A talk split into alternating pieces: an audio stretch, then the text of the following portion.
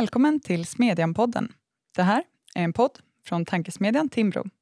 Jag heter Katarina Karkiainen och idag ska vi prata om hur man ur ett liberalt perspektiv kan se på pandemin och pandemipolitiken.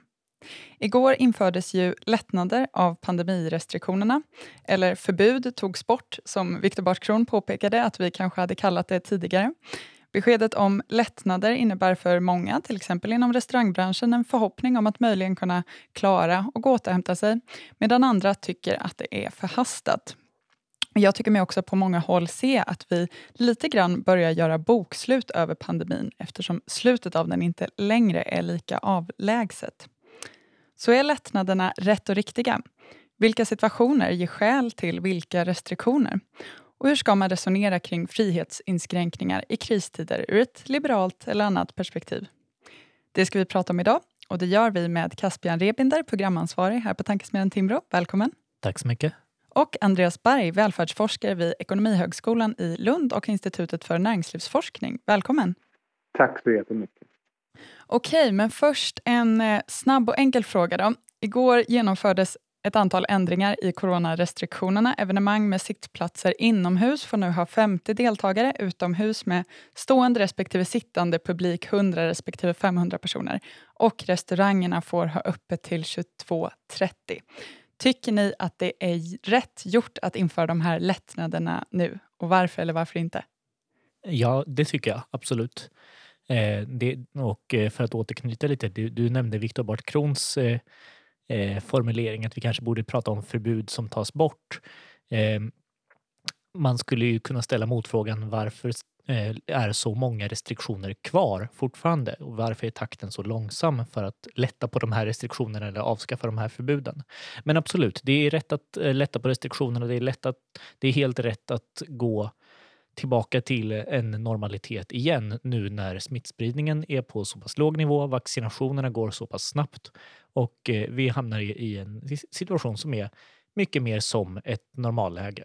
Det borde också speglas i politiken. Ja, förväntas jag också ha en åsikt? Helst givet att man har gett sig in i ganska detaljerade, detaljerade regleringar för olika sektorer och branscher så är det väl lagom att lätta på dem nu.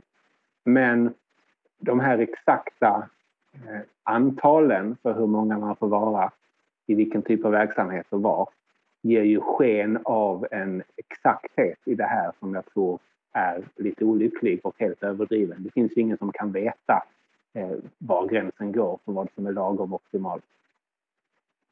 Ja, men precis. Jag tänker ju också som du sa, eh, nämnde Caspian, att en relevant eh, parameter som de allra flesta ändå har varit eniga om under pandemin, om man ska försöka utgå från, från sådana, är belastningen inom sjukvården, antal vårdade och intensivvårdsplatser. Och där har ju antalet coronapatienter nästan halverats på, på tre veckor.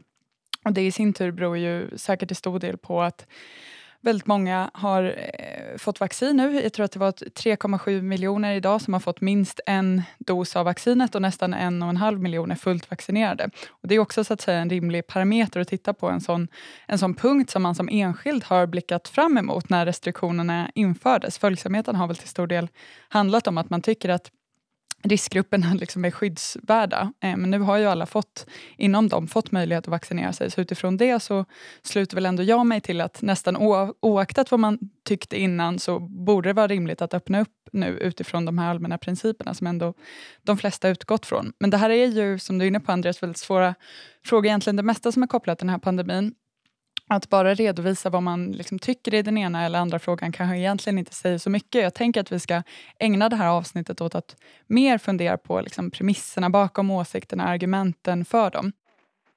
Ja, jag problematiserar gärna lite redan nu därför att den här idén att man lättar på restriktionerna när man ser att påfrestningarna på vården minskar. Den ter ju sig onekligen rimlig. Men eh, det är ju sannolikt så att påfrestningarna på vården är en funktion av människors hälsa som i sin tur är en funktion av människors beteende som beror på regleringarna. Men allt det här sker med betydande tidsfördröjning. Så att det troliga är ju att, att de regleringar man har och de lättnader vi nu genomför påverkar människors beteende och sedan hälsa och sedan vården men med några veckor till kanske några månaders fördröjning. Och vi vet inte exakt hur stor den här fördröjningen är för vi vet inte hur människors beteende reagerar på ändrade regler. Så det är lite grann som att försöka ställa in eh, lagom inspelningsvolym på en podd men volymmätaren reagerar med en fördröjning beroende på hur man skruvar men man vet inte riktigt hur lång den där fördröjningen är. Och då är det väldigt lätt att man eh, hamnar i overshooting, det vill säga där man jagar nålen men aldrig får den till en rimlig jämvikt. Och nu går ju ganska mycket åt rätt håll men delvis beror ju det på att det blir varmare så att det egentligen inte har med särskilt mycket annat att göra. Men men vill gärna tro att det också beror på restriktioner och på vaccin. Men vi vet ju inte exakt hur mycket som beror på vad. Och det finns såklart en risk att när man lättar på regler så blir folk glada och springer ut och pussas och kramas och, och det där leder till ökad smittspridning som sedan har hälsokonsekvenser som kommer att slå tillbaks, kanske till hösten igen. Den risken finns. Just det, vi ska återkomma till de här parametrarna, men bara utifrån det du sa nu, om vi ska ta bort den då som, som liksom anledning till det ena eller andra, vad tycker du är mer relevant att titta på istället? Ja, vad människor tycker om regleringarna och vad människor tycker om riskerna som är inblandade eh, i det hela. Mm. Jag tror att det här det är svårt att diskutera och svårt att kommunicera därför att det rör sig om många olika dimensioner. Ekonomi, hälsa och valfrihet och risktagande. Och den policy vi bestämmer oss för eh, nationellt i Sverige och det beteende som varje individ bestämmer sig för eh, för egen del måste spegla en avvägning mellan eh, å ena sidan eh, hälsorisker och å andra sidan frihet att göra vad man vill Eh, och för väldigt många också behovet av att dra in en inkomst. Eh, och det är inte lätt att väga samman så här väldigt olika dimensioner men det måste vi göra både privat och politiskt. Om vi ska göra det, om vi då liksom som första utgångspunkt nu tar att den svenska strategin, åtminstone som den ursprungligen formulerades, hade ju som en prioriterad målsättning att hålla samhället öppet till mesta möjliga grad. Det försvann väl delvis sen i och med den nya pandemilagen från januari. Men det, det låter som att det är så att säga en utgångspunkt som ni delar. Eller inledningsvis så tycker ni att man som liberal ska tänka i liksom krissituationer där det kanske gäller att väga då negativ frihet, det öppna samhället mot andra perspektiv, egentligen vilka som helst. Jag kan bara säga att det, det, Andreas eh, pekar på är att det är svåra avvägningar mellan de här värdena. Fri, frihet, ekonomi, hälsa, som, som tre, tre dimensioner kan man säga som står lite emot varandra. Det blir ju ännu mer komplicerat för, för att i, om vi tar det här fallet corona så är ju inte någon av de här tre uppenbar. Å ena sidan så kan man säga att fria friheten är ju större när man inte har massa förbud, när man får göra som man vill. Å andra sidan så blir ju friheten inte större för att vem som helst får hosta på mig och smitta mig med farliga sjukdomar. Eh, ekonomin blir bättre om företag kan hålla igång och eh, inte behöver lockdowna sig och stänga ner. Men å andra sidan så blir ekonomin också bättre av att vi kanske har lite restriktioner som gör att folk blir friska och överlever och kan jobba om tre månader istället för idag. Och sist men inte minst är ju hälsan också en klurig, eh, en klurig fråga här för även om färre, kanske, som färre smittas av corona och man har hårdare restriktioner så finns det ju många andra som effekter på hälsa, både Eh, både eh, fysisk och psykisk hälsa. Det finns ensamhet, det finns avhoppad skolgång som kan leda till långsiktiga konsekvenser på, eh, på liv och hälsa. Så alla de här dimensionerna inte bara de svåra att väga mot varandra. De är också svåra att väga inom sig själva. Eh, och det här var inte så mycket av ett svar på din fråga utan mer bara kom, ännu mer komplicerande. Det är knepigt att ställa de här värdena mot varandra men jag tycker någonstans att det är där man måste börja. Eh, det, det, betyder naturligtvis inte att det inte finns några svar utan man kan ju landa i slutsatser, man kan ju landa i re eh, som skarpa rekommendationer men man måste ju börja med tycker jag, att erkänna att det finns väldigt stora värden som står mot varandra. Det är en svår balansgång och eh, de här är långt ifrån självklara utan man måste också jobba med ganska stor osäkerhet som man försöker, eh, försöker balansera på bästa möjliga sätt. Mm, jag håller med. Mitt svar blir väl att säga att det finns åtminstone två skäl att gilla frihet i den här diskussionen och ett är rent normativt och kanske mest tilltalar liberaler, nämligen att eh, frihet har ett egenvärde och människor bör få lov att bestämma själva över sina liv. Men sen finns också ett effektivitetsskäl att gilla frihet och det tror jag kan tilltala även icke-liberaler. Eh, och det kommer först när man har insett att det här inte handlar om Eh, extremer eller hörnlösningar, det vill säga att, att bara tillåta människor göra helt eh, vad de själva vill. Eller att bestämma att alla ska sitta hemma hela tiden utan det handlar om att hitta en avvägning mellan eh, motstridiga mål. Och när man väl har landat i den slutsatsen så kommer då nästa fråga och det är eh, vem ska göra den här avvägningen? Och då tycker jag det är bra att låta individer och familjer decentraliserat göra avvägningen i största möjliga utsträckning eftersom individen själv är den som har bäst kunskap. Dels om sina egna preferenser. Hur gärna vill jag att mormor ska vara med på skolavslutningen till exempel? Eh, och även om det är förknippat med ökad risk för henne och för alla andra inblandade eh, så kan man tänka sig att om, om det är en gång man ska ha med eh, mormor på någon familjeangelägenhet så är det då. För att det är så pass viktigt för mig. Och då har man beaktat alla konsekvenser på den negativa sidan och vägt dem mot det positiva och sedan så kanske man har låst in både sig själv och mormor resten av året. Och den här typen av avvägningar kan centrala beslutsfattare inte göra för alla utan då kommer man orsaka en massa ineffektiviteter där man tvingar vissa att vara försiktiga vad de skulle vara men kanske också tillåter beteende som, som folk om de finge bestämma själva in, inte skulle ägna sig åt. Så även av, av, av det skälet är det smart att inte vara fyrkantig i sina regleringar utan komma med starka rekommendationer och säga att varje individ själv måste få lov att ta ett ansvar. Och det tycker jag att stundom har, har den svenska strategin lyckats med.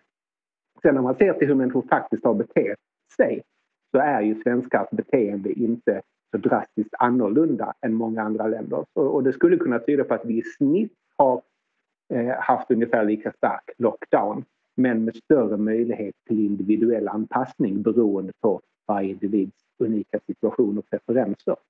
Och det borde man ju faktiskt gilla. Och en liten detalj som jag tycker förstärker det argumentet eh, är att så hur svårt det är att hitta en bra reglering från statligt håll när man vill gå in och styra och liksom på något sätt överpröva de här loka den lokala kännedomen om den enskilda situationen med generella regler eller uppifrån bestämmelser. För då leder det till att ja, Eh, till exempel kan man vara tusentals personer i en stor galleria men får bara vara åtta personer på en, på en arena som med plats för kanske 60 000 personer utomhus i, i solen.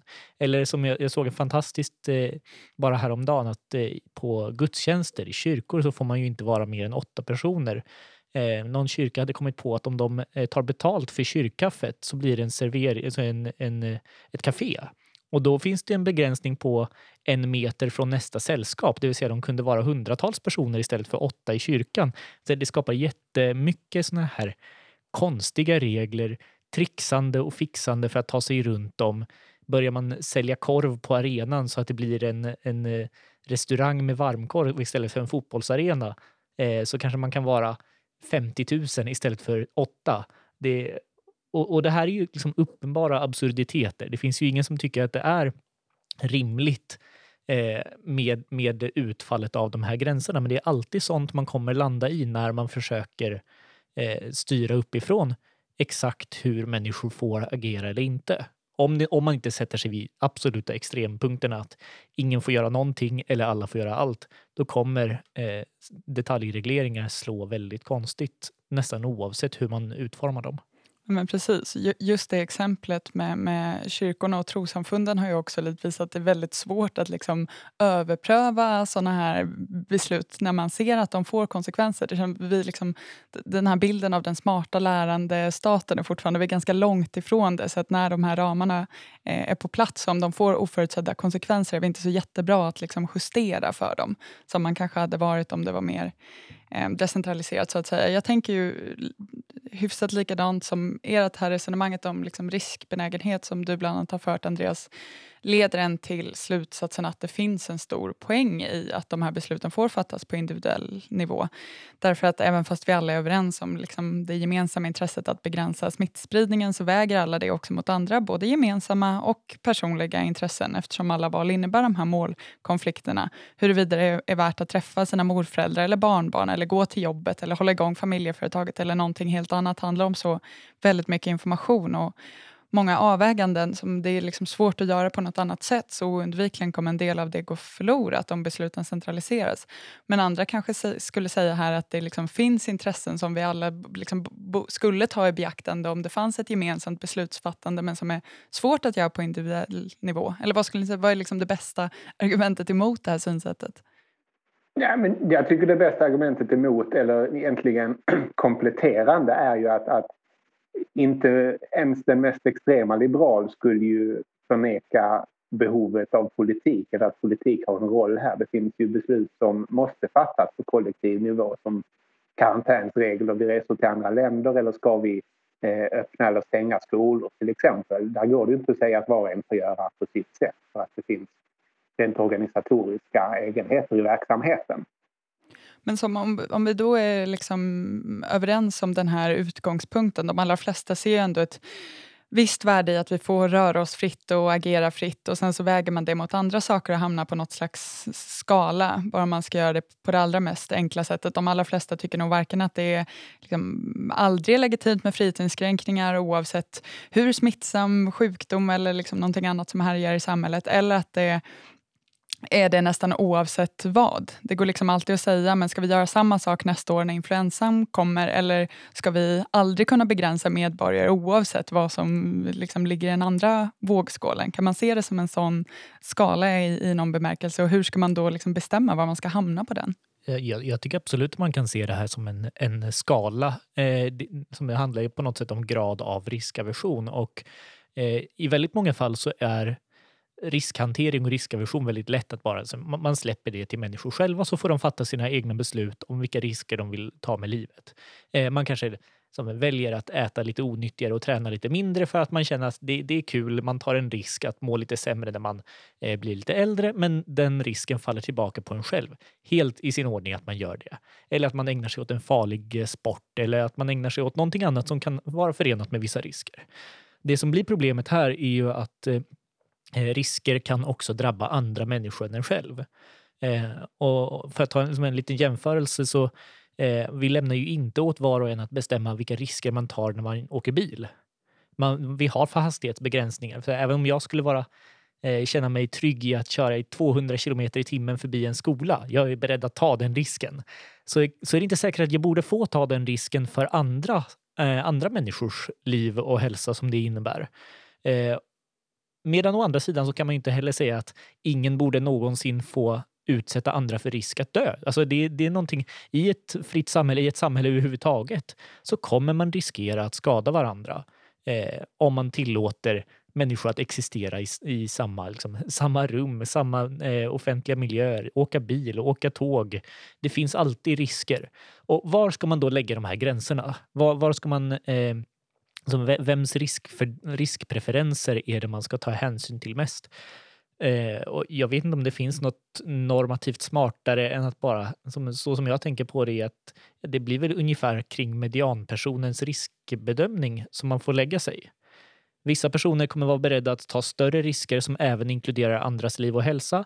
Andra skulle vilja begränsa människors frihet mer för att sänka riskerna mycket mer. Och någonstans så måste man hitta eh, kompromisser och ändå gemensamma spelregler. Och vi har ju konstaterat att det är svårt att reglera uppifrån, men man kan inte heller släppa allting till enskilda beslut. Så är det ju. Sen, sen finns det, det finns en egenhet med, med regler som jag tycker Sverige faktiskt har illustrerat, även om det heter att vi inte har haft så mycket strikta lockdown-regler. Men när du sätter regler så blir ju fokus väldigt mycket i samhällsdebatt, mellan vänner, Eh, bland journalister på om reglerna uppfylls eller inte. Medan med färre regler och ett mer explicit vädjande till varje människas eget omdöme, då skulle ju fokus vara på eh, hur riskabelt det faktiska beteendet är. Och jag skulle nog kunna konstatera att det finns en hel del av det som uppfyller reglerna, till exempel förhållandevis trånga restauranger ändå som får mig att höja på ögonbrynen. Samtidigt som finns en hel del som reglerna tvingar fram som till exempel då väldigt glesa kyrkor givet att de inte säljer kaffe. Jag känner inte till den egenheten. Eh, som får mig att tycka att reglerna varit för hårda. Men nu har vi istället en journalistik som tar fasta på om folk har brutit mot regler eller inte snarare än en pågående debatt om hur riskabelt olika typer av beteende är. Och det är bättre för samhället som helhet om vi hela tiden diskuterar var har vi störst smittspridning? Var kan vi med minsta möjliga insatser minska smittspridningen så mycket som möjligt? Och om man då, för att närma sig den här liksom konkretitionen lite grann, adderar de specifika omständigheterna som har funnits nu kring corona. Det är en relativt smittsam sjukdom. Den har inte jättehög dödlighet. Internationellt så uppskattar man att 0,5 till 1 procent av de som smittas avlider. De allra flesta får milda till måttliga symptom och tillfrisknar utan särskild behandling men för vissa blir det naturligtvis eh, väldigt allvarligt det här är ju långt ifrån en heltäckande bild, men det är så att säga några av, av omständigheterna. Och vi hade också anledning att tro Eh, i början tänker jag att ett vaccin skulle kunna ta fram, tas fram men inte nödvändigtvis så snabbt som, som faktiskt skedde. Men även om man inte väger in det här med liksom vad man visste när, att man inledningsvis arbetade i visst mörker och fick göra en hel del antaganden om, om viruset. Hur stora inskränkningar motiverar de här omständigheterna då, tycker ni? Har restriktionerna varit motiverade eller snarare vilka restriktioner har varit motiverade utifrån det här? Mm, det är en jättebra fråga om, om jag får börja hastigast och fundera på det där så tycker jag att väldigt mycket av det kommer an på hur väntat det var att det skulle gå så pass snabbt att få ut så pass många vaccin, vaccin på konsumentmarknaden. Eh, och när, när jag talar med personer så har de lite olika bild av det där. Sveriges strategi byggde väl egentligen på att det här är nog ingenting som vi snabbt kommer kunna vaccinera utan det gäller att pressa ner kurvan så att vården inte blir överbelastad. Och det var kanske ex ante, eh, det vill säga med vad vi visste då, en rimlig strategi. Men många menar att det här var ändå så pass väntat och vaccinteknologin är så pass långt framskriden att det egentligen inte var osannolikt att, att det skulle gå precis så pass snabbt som det gjorde.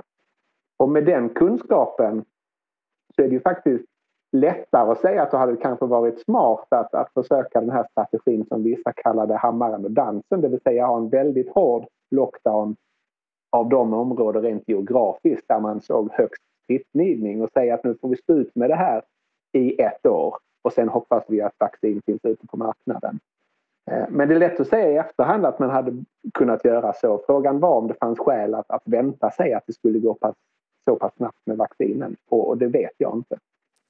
Och där kan man också inflika att det är lätt att säga i efterhand att eh, sambandet mellan hårda restriktioner och smittans utveckling verkar vara eh, svårbedömt. Det, det, är inte, det är så, som, ja, det finns såklart kausalitet i båda riktningar. Att länder med väldigt höga, hög smittspridning har infört hårdare restriktioner. Så det är svårt att, att uh, utvärdera det här. Men de som har tittat på det och de, de studier, åtminstone jag har sett och läst, uh, pekar ju på att vi vet inte riktigt hur de här restriktionerna slår. Det verkar ju som att hårda restriktioner kortsiktigt sänker smittspridningen men inte verkar ha så stor långsiktig betydelse för hur ett land drabbas.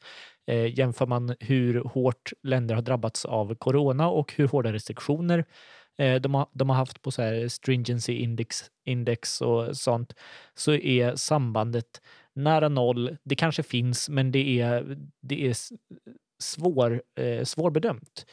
Eh, hur borde man tänka utifrån det då? Ja, jag vet inte riktigt, men om det är så att hårda restriktioner inte säkert hjälper, då är det nog, tänker jag, med en klok utgångspunkt att mer försöka hitta sätt att umgås med varandra eller sätt att vara i samhället som liknar det Andreas var inne på. Att resonera, diskutera. Borde, man, borde vi som samhälle kanske i högre grad undvika restauranger i några månader utan att det behöver förbjudas?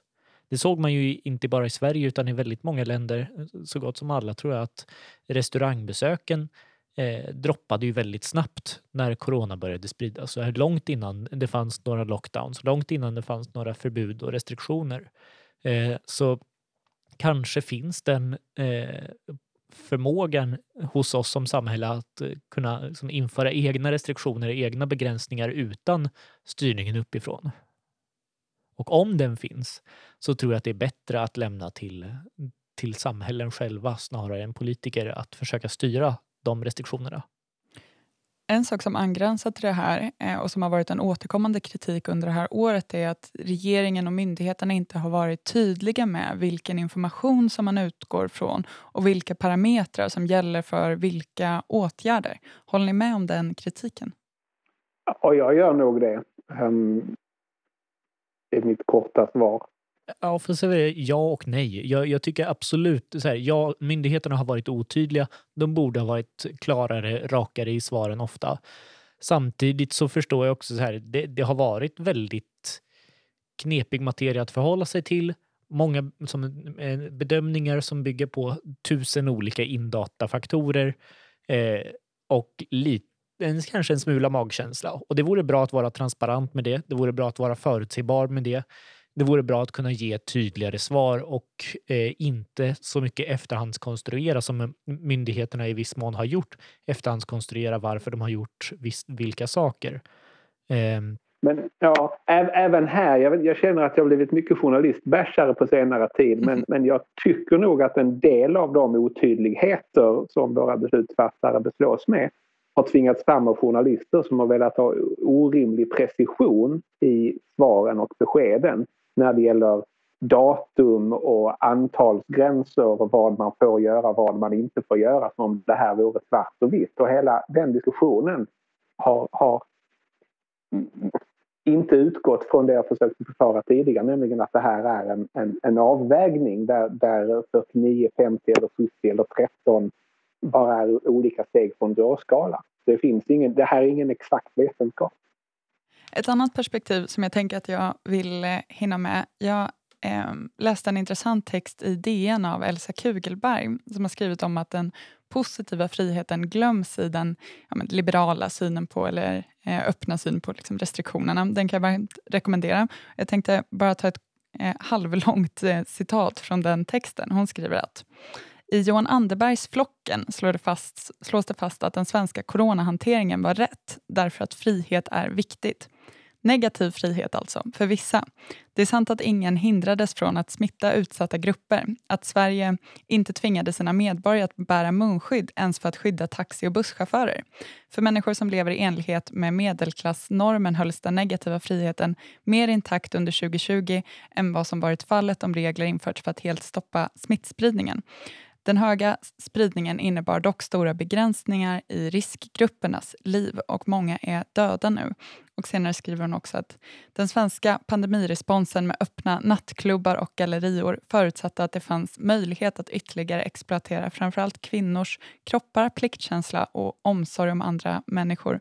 Jag tycker att det här var ett välkommet eh, bidrag i det att det försöker liksom bena ut de här begreppen och föra diskussionen framåt. Och jag tänker utifrån den frågan, hur ska man väga positiv och negativ frihet i en sån här situation? För jag tänker ju utifrån till exempel det här resonemanget om riskbenägenhet, att en del i det är att det alltid går att vara mer försiktig själv. Det är man så att säga inte förbjuden att göra och man måste inte göra allt som tillåts. Men Kugelbergs resonemang, som jag tolkar det, lyfter ju också in att människor kan vara om inte tvingade så nödgade att göra vissa saker. En busschaufför kan inte gärna bara strunta att gå till jobbet med mindre än att han förlorar sin inkomst. Så att hans liksom, positiva frihet, eller vårdpersonalens, måste också vägas in. Vad säger ni om det här? Ja, jag läste faktiskt den och eh, hon har ju rätt så tillvida att det eh, handlar om konflikt mellan olika människors legitima anspråk på frihet. Men det är olika positiva friheter som står emot varandra. Någons frihet att kunna försörja sig på sitt yrke eh, står mot någon annans frihet att kunna göra saker utan att bli smittad. Och det, det gör det ju inte lättare eh, utan det gör mm. att man måste han, hantera den konflikten på något sätt. Eh, Sen tyckte jag, blev jag möjligen förbryllad över att hon använde ordet exploatering om folk som jobbar i offentlig sektor. Jag hoppas mm. att det är lite bättre än så. Men, men det är helt riktigt att, att ansträngningen för vårdapparaten har varit enorm senaste året. Mm. Det roliga är att när jag, jag läste samma text så tycker jag också att den är väldigt välkommet inlägg. In, eh, men tycker som eh, som Andreas att den inte riktigt kontrasterar positiv och negativ frihet eh, mot varandra. Men tvärt emot Andreas att det här snarare är två, eh, två olika negativa friheter som står emot varandra. Å ena sidan den negativa friheten att inte stoppas av staten när man vill till exempel gå ut på gatan eller ingå eh, som privata transaktioner, en, en krona mot en öl, ja, kanske inte en krona utan 40-50 eller något sånt där beroende på var man dricker sin öl. Men alltså den, den typen av begränsningar. Å andra sidan den negativa friheten att eh, skyddas från andra människors eh, våld mot en, i det här fallet då våld i form av smitta av dödliga sjukdomar. Eh, men, men vare sig man ser på det som positiva eller negativa friheter som står emot varandra eller inom eh, sig så tycker jag att det, det som verkligen är viktigt som den här texten lyfter är ju att eh, det är inte, alltså risker är inte symmetriskt fördelade. Vi var ju inne lite på diskussionen om, om eh, riskspridning, eller riskaversion och var, var man lägger sig i synen på hur snabbt ska man få köra förbi en skola eller hur mycket ska man få eh, hosta på offentlig plats om det finns en pandemi i världen. Eh, och det, det, finns ju avvägningar att göra för enskilda personer och det kan också finnas gemensamma normer som man behöver, eh, som man behöver kanske lagstifta eller reglera fram, kanske hitta en kulturell samsyn kring. Men det är jätteviktigt att, att ha med sig här att de här normerna kommer inte slå symmetriskt. Vissa personer kommer ha en mycket mer utsatt position. Vissa personer, eh, om man tar trafikexemplet, så vissa personer behöver gå i skolan, andra behöver inte det. De som går i skolan kommer vara mer utsatta för risken att bli påkörda om någon kör för snabbt förbi skolan. Vissa personer kan jobba hemifrån, andra kan inte det. De som inte kan jobba hemifrån kommer ha större risk att smittas på jobbet än de som kan jobba hemifrån. Eh, och det här, här finns det både klassperspektiv, det finns könsperspektiv, det finns väldigt många olika eh, olika faktorer att ta med och det här eh, ska man verkligen ha med sig när man funderar kring hur kommer mina som, eh, förslag eller restriktioner att slå? Och det går ju förstås åt andra hållet också, att begränsningar av människors möjlighet att röra sig kommer inte heller slå eh, jämlikt och jämnt och träffa alla människor lika. Så, och, och precis som alla andra frågor vi har diskuterat här, det finns jättestora osäkerheter. Vi vet inte alltid på, i, på förhand vilka som kommer drabbas hur. Så man ska vara försiktig även i, i, eh, i sina bedömningar av eh, ojämlikheterna och hur de kommer slå. Men göra sitt bästa för att förstå dem. Ja, men precis. Jag tänker att eh, sammanfattningsvis, den, den här möjligheten som, som Ehm, hon skriver om gäller ju i, i liksom vanliga fall också, att, att den möjligheten finns. Andra yrkesgrupper tar risker och litar på att sjukvården finns och fungerar om någonting går fel. Och vården förlitar sig på att industrin tillhandahåller materiel och att resten av samhället arbetar för att det ska finnas resurser till det offentliga. Vi är ju alla sammankopplade till varandra på sätt som är intrikata, som det kanske inte liksom går att dra någon eh, helt eh, klar politisk slutsats av nödvändigtvis. Um, vi börjar lite snart få slut på, på tid här, eh, men om vi ska avsluta med någonting.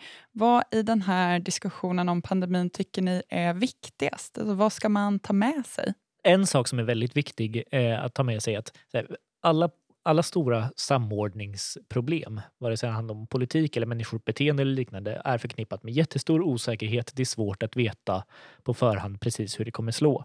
Därför bör man vara försiktig med att försöka detaljstyra så mycket och hålla sig till så lite styrning och om man ska styra så generell styrning som möjligt. Eh, och eh, inte underskatta människors förmåga att, till spontan ordning, att samordna sig själva och hitta lösningar som inte nödvändigtvis kommer uppifrån. Det är någonting som är viktigt att ha med sig. Eh, och sen, sen, tycker jag också, som ett, eh, för att vara lite mer policyrelevant, att eh, nu tror jag, eh, kanske optimist här, men jag tror att vi ser slutet på pandemin. Vi har sett en kraftig minskning av både antalet eh, inlagda på sjukhus, antal IVA-fall, antal döda och antal nya smittade. Eh, förmodligen delvis på grund av väder och beteende, men också eh, vaccinet som är i full fart att delas ut till befolkningen. Och att i det läget eh, hålla kvar väldigt länge till med ganska stora inskränkningar i en normal frihet i människors eh, möjlighet att träffas, umgås, samverka, driva näringsverksamhet eh, blir, kommer ganska snabbt bli väldigt oproportionerligt. Så det är mitt, eh, policy, min enda policyrelevanta punkt för dagen. Okej, okay, jag har väl tre lärdomar.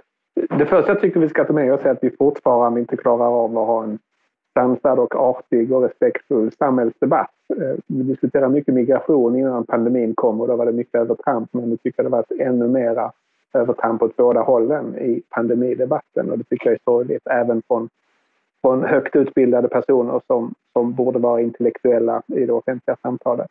Det andra är en lärdom för liberaler och det är att staten behövs och ibland behöver vi koordinera vårt beteende. Eh, men den tredje är en lärdom för icke-liberaler och det är att när staten ska göra svåra val Eh, så är det lätt hänt att det leder till absurda eh, gränsdragningar och, och konsekvenser. Att det då kan finnas skäl att försöka koncentrera statens insatser till det som kan göras med relativt lite kunskap och sedan använda all den kunskap som finns utspridd hos alla experter såväl som hobbyepidemiologer. Det får nog faktiskt lov att bli sista ordet för idag på den här, inte särskilt polemiska men förhoppningsvis intressanta diskussionen. Det tyckte åtminstone jag och jag får lov att säga varmt tack till Andreas Berg och Caspian Rebinder för att ni var med. Tack! Tack så mycket. Tack också till er som har lyssnat. Eh, flera texter på det här temat och andra texter om allt från strandskydd till tillväxt till Tysklands energiomställning och Kajsa Ekis Ekmans bok om biologiska kön hittar ni på timbro.se smedjan. Vi ses där och hörs igen här om en vecka.